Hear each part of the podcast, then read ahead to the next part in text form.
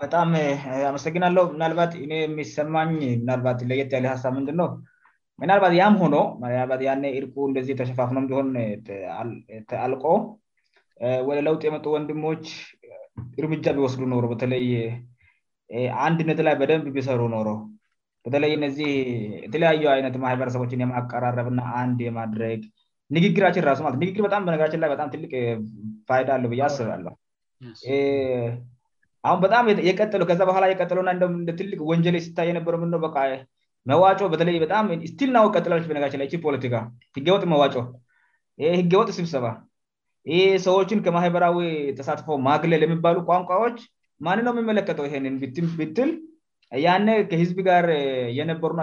ዝብ የወከላቸው ሀያ ሶስት የሚባሉበት ለምደ እነዛ ሰዎችን ው ለማንቋሻችና ለመቀስ የሚጠቀሙበት ተርሞች ናቸውእነዚ ስለዚህ ል ይሄ ፖለቲካ ሆኖእስዛደስ ቀጥሏል ማለት ነው ያ ነገር ጠፍቶ ቢሆን ኮፕት የኢትዮጵያ ህዝቢ እነት ለመናገርየኮንዝ ሆነ ርይላቸው ነበረ ምንድም ሙሉ ን መንታሊቲ ኖሩ ነበወደሁ ነ ወደ ስልጣን እንደመጡ ለውጥ ለማምጣት ሁን ሌላ ቦታ ላይ እንደምታየው ማትነቦደ ልማት ወደ ለጥና ሰዎችን በማቀራረብ ደረጃ ላይ የተማሩ ሰዎችንና ዛያለውን ማህበረሰብ ማቀራረብ እዛ ያለው በመንግስት ሰረተኛ መካከል የተፈጠረውን ክፍተቶች በሙሉ በአንድ ብዙ ርቀት ሄዱ በማስፈራራትና በማሰርና ነገሮች ወደ ኤክስተርናል ወደ መወነጃሄዱ ኖሮ እርቁ ተሸፋፍነው እንኳን ቢሆን ዛሬ የምናያቸው በጣም የሰፉ ነገሮች ላይ ይታዩ ችሉ ነበር ግን ይህም አልሆነም ነገሮችን በተለመዶ አካድ በይል በማስፈራራትና በፖለቲካ የማሳመንና የማስፈራራት ጉዳዮች ስለነበሩ ነገሮች አሁን በምናየው መልክ መሄደዋል ማለት ነውእና አሁንም ቢሆን ቅድምግዲህ ንተባለው አሁን ቢሆ አረፍን የምንኖሮ ይበዛል ትከኖር ነው ልቅ የምንኖረው ጊዜ ነውበጣም ብዙ የሚሆነውእና አሁንም ቢሆን መሸነፍ ያስፈልጋል መሪ መሸነፍ ው ያለበት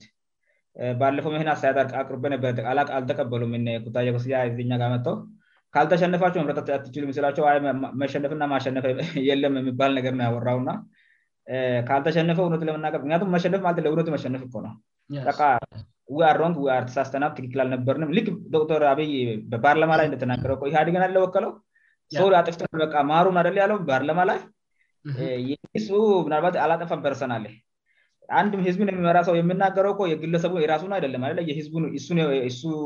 የጠካቸው ሰዎች ከሱ በፊት የነበሩ ሰዎች የሰሩትን ጭምር አደላ የሚሸከመውእና ያንን አጥፍተናል ሶሪ ብሎ ለህዝብ ቢሸነፉ ነገሮች ይቀሉ ነበረሞበጣም ጥሩ ነገ ያነሳ ንድ ተቃዋሚ ባርቲን የፈጠረ ችግር ነው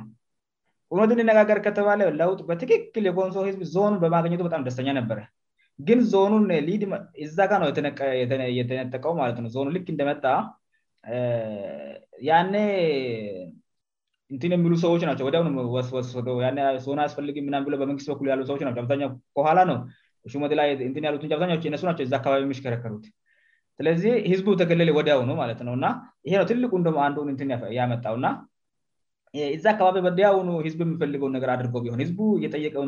ቀተመ ቢሆንና የሚፈልጋቸው ሰዎች ልጣን ላይ እንዲቀመአድቢሆን ኖሮ የበደሉ ሰዎችን የግ ተጡ የሚል አይመስለኝም አሁን ችግሩ ወደኋላ የሊመልሰን ይችል ሆናልና ደት እንደሚሆን እበደብ ማሰብ ይጠይቃል አሁን ወደ መጨረሻ ሀሳብ መተናል እና እዚህ የመጨረሻ ሀሳብ ላይ የምንነጋገረው ምንድነው እንግዲ አሁን ትልቁ አላማችንና አንዳችን ምንድነው ልዩነትን ማጥበብ እና አንድነት ብአንድነት የሚያመጡ እርጃዎችን መውሰድ ሁላችንም የሚያስማሙና ቅር የማያሰ ሰው ልብ የማያሳዝኑ ነገሮችን መውሰድ ላይ ነው እያወራን ያለነውእና የመጨረሻ ሀሳባችን የሚሆነው የአስተሳሰብ በዚህ አይነትን የሚያስተናግድ ከደጋፊና ከተቃዋሚ አጥር የወጣ ማሀይበረሰብና አመራር ለመፍጠር ምን አይነት ስራዎች መሰራት አለባቸው ነ አሁን ነገሮች ዳይካቶሚ ናቸው ምን ማለት ነ ተቃዋሚ ደጋፊ የሚል ካቴጎሪ ነውይ ሀሳብ ሲትናገር ይሄ ማለት የንት አሰቡ ነው እኛን ራሱ በስንት ነው እንግዲህ ብንናገር ብናወራ ማን ያምነናል ችግር ሱ ነው እንጂ እኛን ኢዜማ ብሎ ዜወደዛ የሚገቱን ብዙን ጊዜ የኢዜማ አካላት ተጎዱ ብን ስለምናገር ይመስለኛልሞ ደቀልድ ያነሳት ለምሳሌ ሌላ አነ ፓርቲ ንና ርኖርኖነበርለም ወደ አንድ ፓርቲ አይገም ይመስለኛል ይሄ በነገራችንላይሱ የ የአስተሳሰብ ችግርነብበምትተው የዜማ ስለሆል የተጠአተሳሰብ ጠፍቶ በሰው ደረጃ ማሰብ እንድንችል የአስተሳሰብብህአነት ት እንዳልሆነ ፋት ወንጀል እንዳልሆነ ኢዜማን መደገፍ ነ ዜ በነጊዜመፍሱሆየምንው ስላልሆንን ነው እ ክፋት ስለሆትክክልስላልሆንወንጀስለሆይደለም የምንለው ሮንግ ስለሆነ አስተሳሰቡእ ስላልሆንን ነው የምንናገረውናእየማንንም አባል ፓርቲ አይደለን ነፃ ግለሰቦች ነና ስለዚህ ሀሳብ ምንድነው የአስተሳሰብ ብዚህነትን ማስተናገድ አንዱ የልዩነት ማጥበቢያ መንገድ ነው ብያምና አለው ምክንያቱም አስተሳሰብ ብ ማለ የተለያየ አይነት ዳይቨርሲቲተለየይ ስተሳሰብ መኖሩአብረን እንዳነሰራ የሚከለክለን ከሆነ ሰው የሆነ ቡድን ስለደገፈ ደክፋትደመጥፎ ነገር የምናይ ቡነገደርገ ምና ከሆነ አብረን ለመኖብረን ለመስራማበጣምየምንቸገረውእና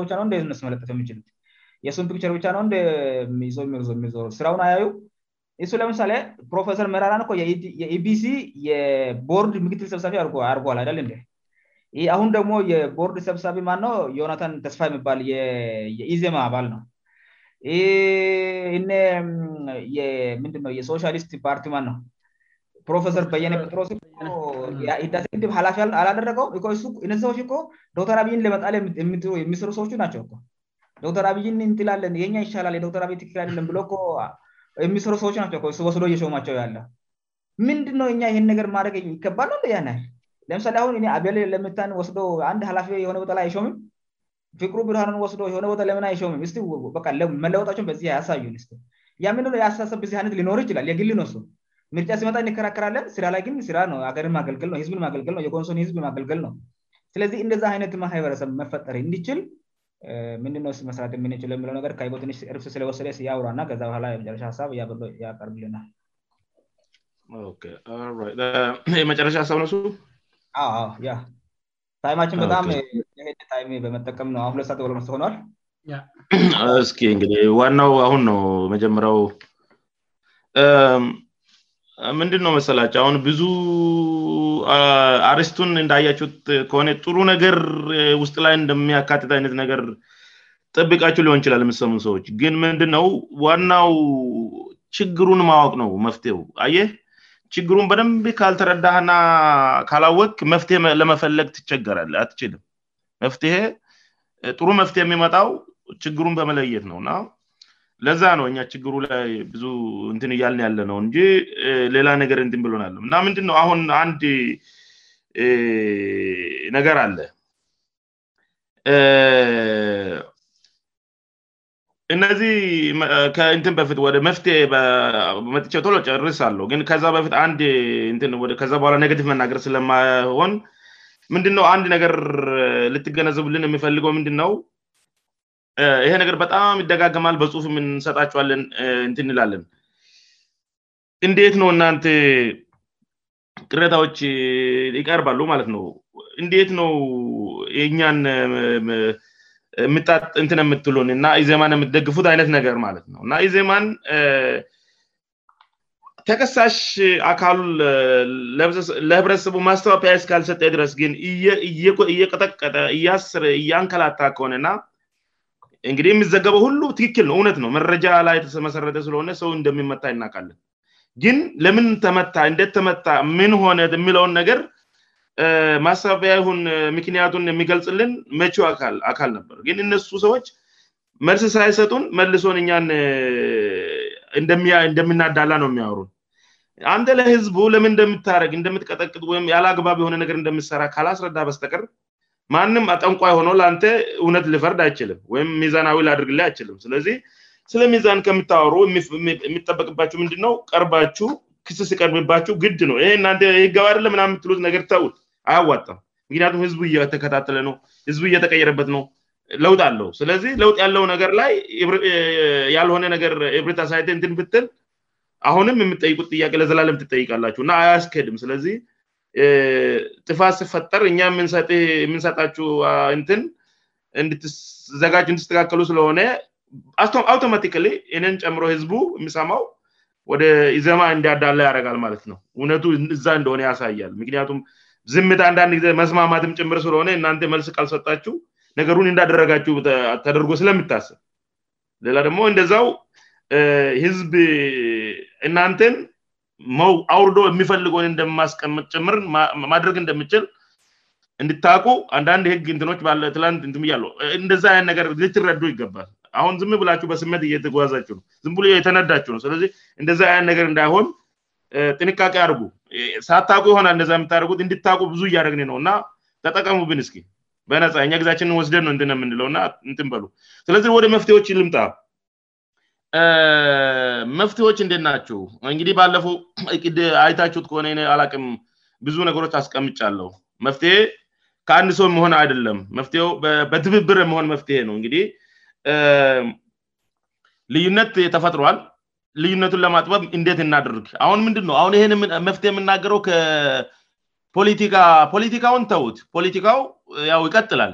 የፖለቲካ የፓርቲዎች ጉዳይ ህግ ያለው ነው ህዝብ ጋ የሚገናኝ አደለም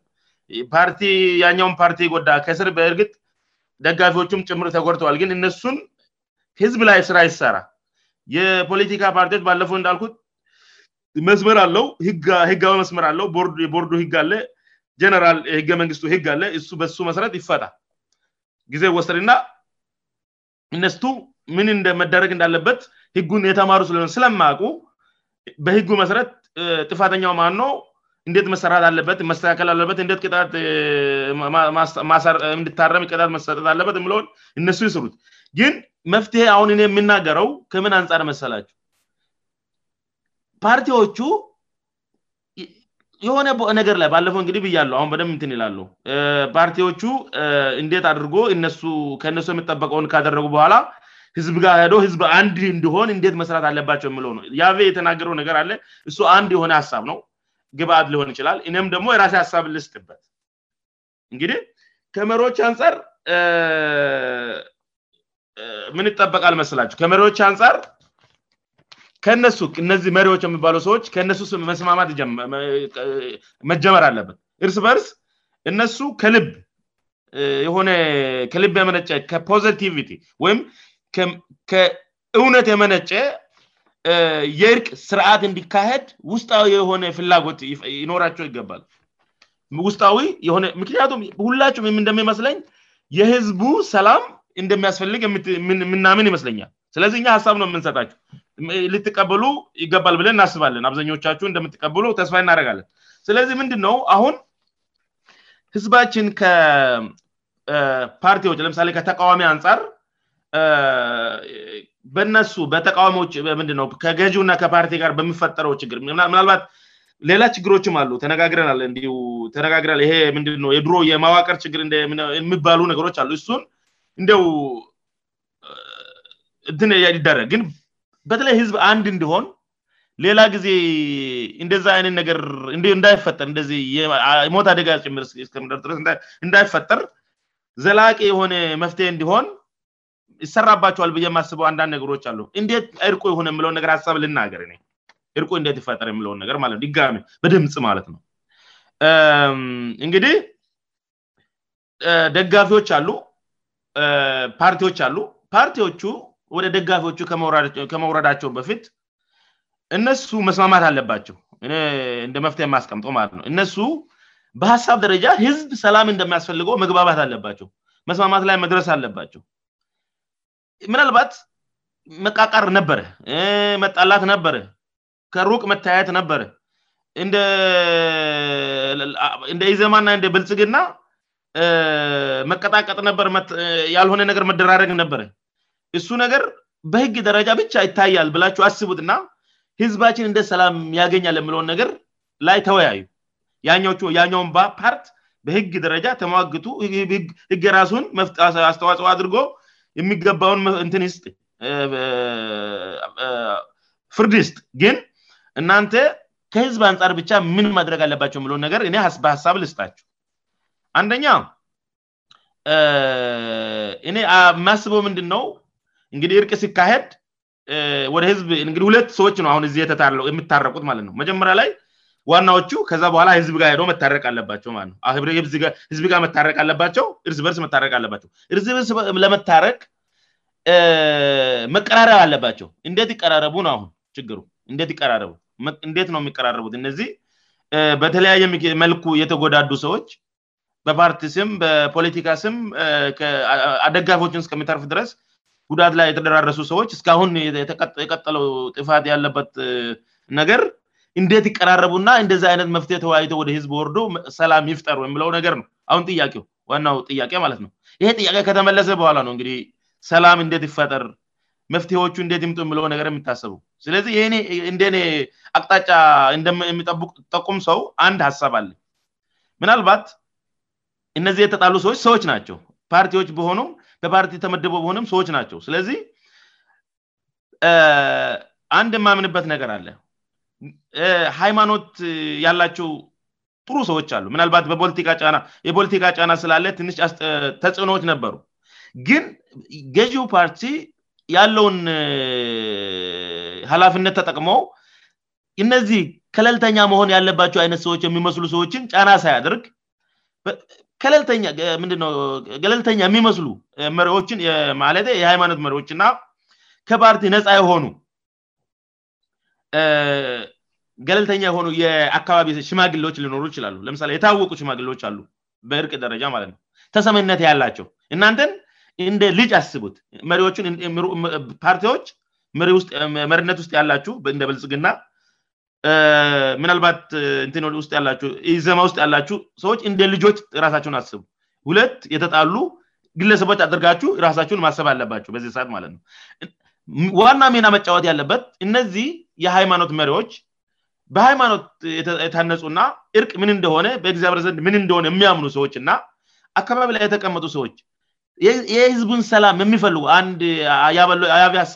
የአነሱ ሀሳብ አለ የሆነ ሽማግ አለ ባህላችን ተመርዟል ተብል እንደዚህ አይነት ሰዎች እንደዚህ መሃል ላይ ገብቶ ሰዎቹን በማቀራረብ ጭምር እን እንዲቀራረቡ ሀሳብ እያደረስን ነው እነሱ በራሳ ተናሳሽነት ኖሯቸው እነዚህ ሃይማኖት ያላቸው መሪዎች ጥሩ አመለካከት ያላቸው ነ ከፖለቲካ ነፃ የሆነ የሃይማኖት መሪዎች ፕላስ የአካባቢ ሽማግሌዎች እንደዚው ከፖለቲካ ገለልተኛ የሆነው ስለ ፖለቲካ ምንም እንድማይሉ ና ለህዝብ ቅድሚያ የሚሰጡ ሰዎች እነዚህን ሰዎች በማቀራረብ ጥር በማቅረብ መድረቅ በመፍጠር መድረክ ከፈጠሩ በኋላ እነሱ በምን አይነት ነገሮች ነው እየተቃቃሩ ያሉት የተኛው ነው ለህዝቡ ሰላም መደፍረስ ምክንያት እየሆነ ያለው ከፖለቲካ ውጭ እንዴት በህግ መታየት ካለበት ውጭ እንዴት እኛ እስ የግ ህዝቡን ሰላም አ አንድ ንሁን ብዙ ነገር የጋራ ነገር አለን ሰላም ብፈጠር ብዙ የምንጠቀመው ነገር አለ ብሎ አንድ ላይ ሰዎቹን አነጋግረው ፋት ተፈጽሟልትተ ተፈጽመል ብሎ ዘማ ብዘረዝር የዘማ ጥፋት ዝርዝር እንዳለ ሆነው ይህን ዝርዝር ጥፋቶች በደርዘን የተቀመጡ ች ተፈጸምባቸው ጥፋቶች በህግ ደረጃ የምታዩ ናቸው ስለዚህ እነሱን ለህግ ተዉት እኛ ግን የህዝቡን ሰላም ላይ እንስራ ብለው መሃል ላይ የተቀመጡ ሰዎች ወይም ሽማግሌዎቹ የሃይማኖት መሪዎቹ ሀሳቡን ካቀረቡ በኋላ ሰዎቹ አንድ በአንድ የራሳቸውን ሀሳብ ይሰጣል እኔ ምንድነው ሀሳብ መሆን ያለበት ብማያስበው እነዚህ አይነት ሰዎች ከመጡ በኋላ ምንድ ሰዎቹ መጠየቅ ያለባቸው ምንድነው አንደኛ ህዝቡ እንድታረቅ ነው አላማችን አይደለም ን አንድ እንዲሆን ከመሪዎችን ጋር ወይም ህዝቡን ከሚያገለግሉ ሰዎች ጋር አንድ አእምሮ ኖሯቸው በተመሳሳይ ሞቲቭ እንትን እንዲሰሩ ነው ሊማት እንዲሰሩ ነው ለሚመጣ ሁሉም ነገር ጥሩ ነገር ተሳታፊና አጋዥ እንዲሆኑ ነው አሁን የተጣላው የተቃቀረው ህዝብ በፓርቲ ድጋፍና በፓርቲ ልዩነት በሚፈጠሩ ነገር ጋ የፈጠረ ሰዎች የተፈጠሩ ሰዎች ተለቤተሰብ ጀምሮ እንደዚህ ጎራ የከፈሉ ሰዎች አንድ ሆነው ምንድነው ይሄ ነገር የማይጠቅመን ነገር ነው ብ አምኖበት አንድ ላይ ሆነው ሆይ ብለው ለልማት እንድነሱ የሚያደርግ ምን አይነት አካባባ ሄድ አለባቸው የሚለውን ነገር ነውመሃል ላይ የተቀመጡ የሃይማት ምሪዎችእና የአካባቢ ሽማግሎች የሚያደጉት ማለት ነው ስለዚህ አንደኛ ብዬ ማስበው ምንድነው ሰዎቹ በዚህ በሰላም ጉዳይ ላይ ከተስማሙ በኋላ እንግዲህ ይሄ ችግር የተፈጠረው የሆነ ጎራ አለ ለምሳሌ የብልጽግና ተወካያለ የዜማ ተወካያለ በዛ ምክንያት አንደኛውን ለመደገፍ አንደው ሌለኛውን ያጣጥላል አንደው ሌለኛውም እንደዛ ማለት ነው ስለዚህ እነዚህ ሰዎች አንድ ላይ በመሆን ባለፎ እንግዲህ በጽሑፍ ደረጃ የተያ ትኖራላችው ፌስቡክ ላይ እነዚህ ሰዎች አንድ ላይ በመሆን የክልል ተወካቻቸውን ጭምሮ አንድ ላይ በመወያየት ሽማግሌዎቹ መህል ላይ በመቀመጥ እነሱን አቀራርቦ እንደዛ አይነት ነገር አስፈላጊነቱን ካስረዷቸው እነሱም ያ ቃሉ ብዬ አስባሉ ትሽ ብረተኝነት ወይም ሆነ የንቀት ነገር ካልሆነ በስቀር በገው በኩል ካልተፈጠረ በስጠቀር አስፈላጊነቱ ግልጽ ነውእና እነዚህ ሰዎች የህዝብ ሰላም በእውነት ከልብ የሚፈልጉ ከሆነና ሰላም እንድቀጥል ልማት እንዲቀጥል የሚመኙ ሰዎች ከሆኑ ለህዝብ የተቀመጡ ሰዎች ከሆኑእና ለማገልገል ፍቃደኛ የሆኑ ሰዎች ከሆኑ እንደዚያ አይነት ሰላም ላይ እነሱን መጠቅሙው እንደሚጠቅምና ለምሰሩት ነገር አጋጅ እንደመሆ የሚያምኑ ሰዎች ከሆኑ አንድ ላይ ከቀረቡ በኋላ እንደዚህ አይነት ምነው ተወካ የሆኑ ሰዎች እነሱን በመጠቀም አንድ ላይ ከተወያዩ መወያታቸው ብቻ በቂ አይደለም እንበልና ተስማምተዋል ወርዶ ህዝቡን ለማስታረቅ ተስማምተዋል ግን ከስር ያሉ ሰዎች እንደገና ህዝቡ ውስጥ የሚፈጠረው መቃቃር ወይም ልዩነት እንዳይሰፋ ኢዜማና ብልጽግና እያሉ እነዚህ የጸጥታ አካላት በማወቅ ወይም በብርተኝነት እያወቁ ሆን ብሎ በመስራት የሚያደርጉን በሆን ሳያውቁ የሚያደርጉ ሰዎች ግንሰ በማስጨበጥ የእነሱ አስፈላጊነት ምን እንደሆነ እንዲያውቁ በማድረግ ጋፓቸውን ከህዝብ ጋር በማድረግ ና ህዝቡ ለእነሱ አጋጅ እንደሆነ በማሰብ የነሱ እነሱ ለማንም አገልጋይ እንደሆኑ ማንም የነሱ ህዝብ እንደሆነእና ለህዝብ እንደተቀመጡ እንዳስቡ መደረግ አለባቸው መጀመሪያ ለማን ወለ ህዝብ ከመውረዱ በፊት እነሱ ሰዎች በተለይ ፀጥታ ዘርፍ የሚያገለግሉ ሰዎች ፓርቲውን የገዢው ፓርቲ አገልጋይ እንዳልሆኑ ና ህብረተሰቡ መካከል ለየት ያለ ወንጀል ስፈጠር የህብረተሰቡ ተወላጅ ሊሆን ይችላል በህብረ መካከል የሚፈጠረው ወንጀል ከህብረተሰቡ ጋር በመተባበር እንደሚፈታ ያመኑእና ሀሳቡን የወንጀል መከላከል ሀሳቡን የተረዱ ሰዎች እንዲሆኑ ሰዎችን መቅረጽ አለባቸው አሰምታም ጥሩ ለህብረተሰቡ እንደዚ አይነት ጭንቅላት ያለ ዲስፕሊኑን የተረዳ ሰው ጸጥታ እንደት ማስገበር አለበት የምለውን ነገር የሙያውን ሲነ ስርዓት የተረዳ ሰው ሀላፊነት ላይ በማምጣት ሊሆን ይችላል በእንደዚ አይነት እርምጃ ከላይ ከላይ ለችግሩ ግብአት የመሆኑ ነገሮችን መስራት አለበት ማለት ነው አንደኛ ላይ ወደ ህዝብ ከመውረዱ በፊት ነው ይህን የምናገረው እና እንግዲህ ይሄ ሁሉ ከሰሩ በኋላ ብዙም ጊዜ ላይፈጅ ይችላል በእርግጥ አእምሮ ላይ የምሰራ ነገር ነው ግን ጥሩ የሚያስብ ሰው ጥሩ ለህዝቡ የሚያገለግል በተለይ ከህዝቡጋር የሚቀርብ የፅጣ አካል ሰው ወደፌት በማቅረብ ነገሮችን በቀላሉ እንድሰሩ ማድረግ ይቻላል ከስር ያሉ ሰዎች ታዛጅ ስለሆኑ ያላግባብ ሲሄዱ የኛው ያስተካክላል ማለት ነው ት ስለሆነ ሰም ስ uh, ከላይ ያሉ ሊደሮች አ የሚመሩ ሰዎች እንደዛው እንደዚህ ችግር ስመጣ ቶሎ ተደርቶ ለህዝብ የሚያዳሉ ማለት የህዝብን ጥቂም የሚያስቀድሙ ሰዎች አይነት ሰዎች ወደፊት በማስቀደም ከስር ያሉ ሰዎች ያለ ስከመስመር ውጭ እንዳይሆኑ ማድረግ ይቻላል ይህን ሀሳብ ካስጨበጥኩ በኋላ ምንድን ነው ዋና ሀሳቤ እነዚህ እንግዲህ እነዚህ ነገሮች ሀሳቦች ላይ ከተሰራ በኋላ እነዚህ ተወካዮች ለምሳሌ ብልጽግናተወካዮች ምር ቤ ዋናምንድው የህዝቦች ተወካ ምር ቤት አላ ፌደራል የሚወክለውና ክልል የሚወክለ በሌለቱም ፓርቲዎች ያሉ ሰዎች ሉ ወደ አራት ሰዎች ናቸው መስለ ሶስት ሶስት በክልል አንዳ ንድ በፈደራል አለ እነዚህ ሰዎች ጋር በመተባበር ፓርቲዎቹ የፓርቲ ኃላፊዎችም ጭምር አንድ ላይ በመነጋገር የህዝብ ሰላም እንደሚቀርም ልረዱ ስለምችሉ እውነትም እንደዛ መሆን ስላለበት ሌላውን ለህግ ትትወት አንድ ላይ በመሆን በየቦታ መድረክ በመፍጠር በየቦታ በየምንድነው ወረዳ ሊሆን ይችላል ቀበለ የሚፈለገው ዋና ዋና ለሰላሙ ግብአት የሚሆኑ ሰዎችን በማሰልጠን ህዝቡ በምርጫ ምክንያት ነዋናው ምክንያት ይ ነውቸም የዞኑ ነገር ግብአት እንደሆነ አምነንበታል ግን አሁን ተስፋፋው በምርጫ ምክንያት ነው ስለዚህ ይህን በምርጫ ምክንያት በአለማወቅ ምክንያት የተስፋፋዎ ችግርና ልዩነት ለማጥበብ አንድ ላይ ብሰሩ አንድ ላይ መድረክ ላይ ሆነ በአንድ ቀርበው እንግዲህ ባለው በፍ እያለው ድጋሜ ነው የምናገረው በድምፅ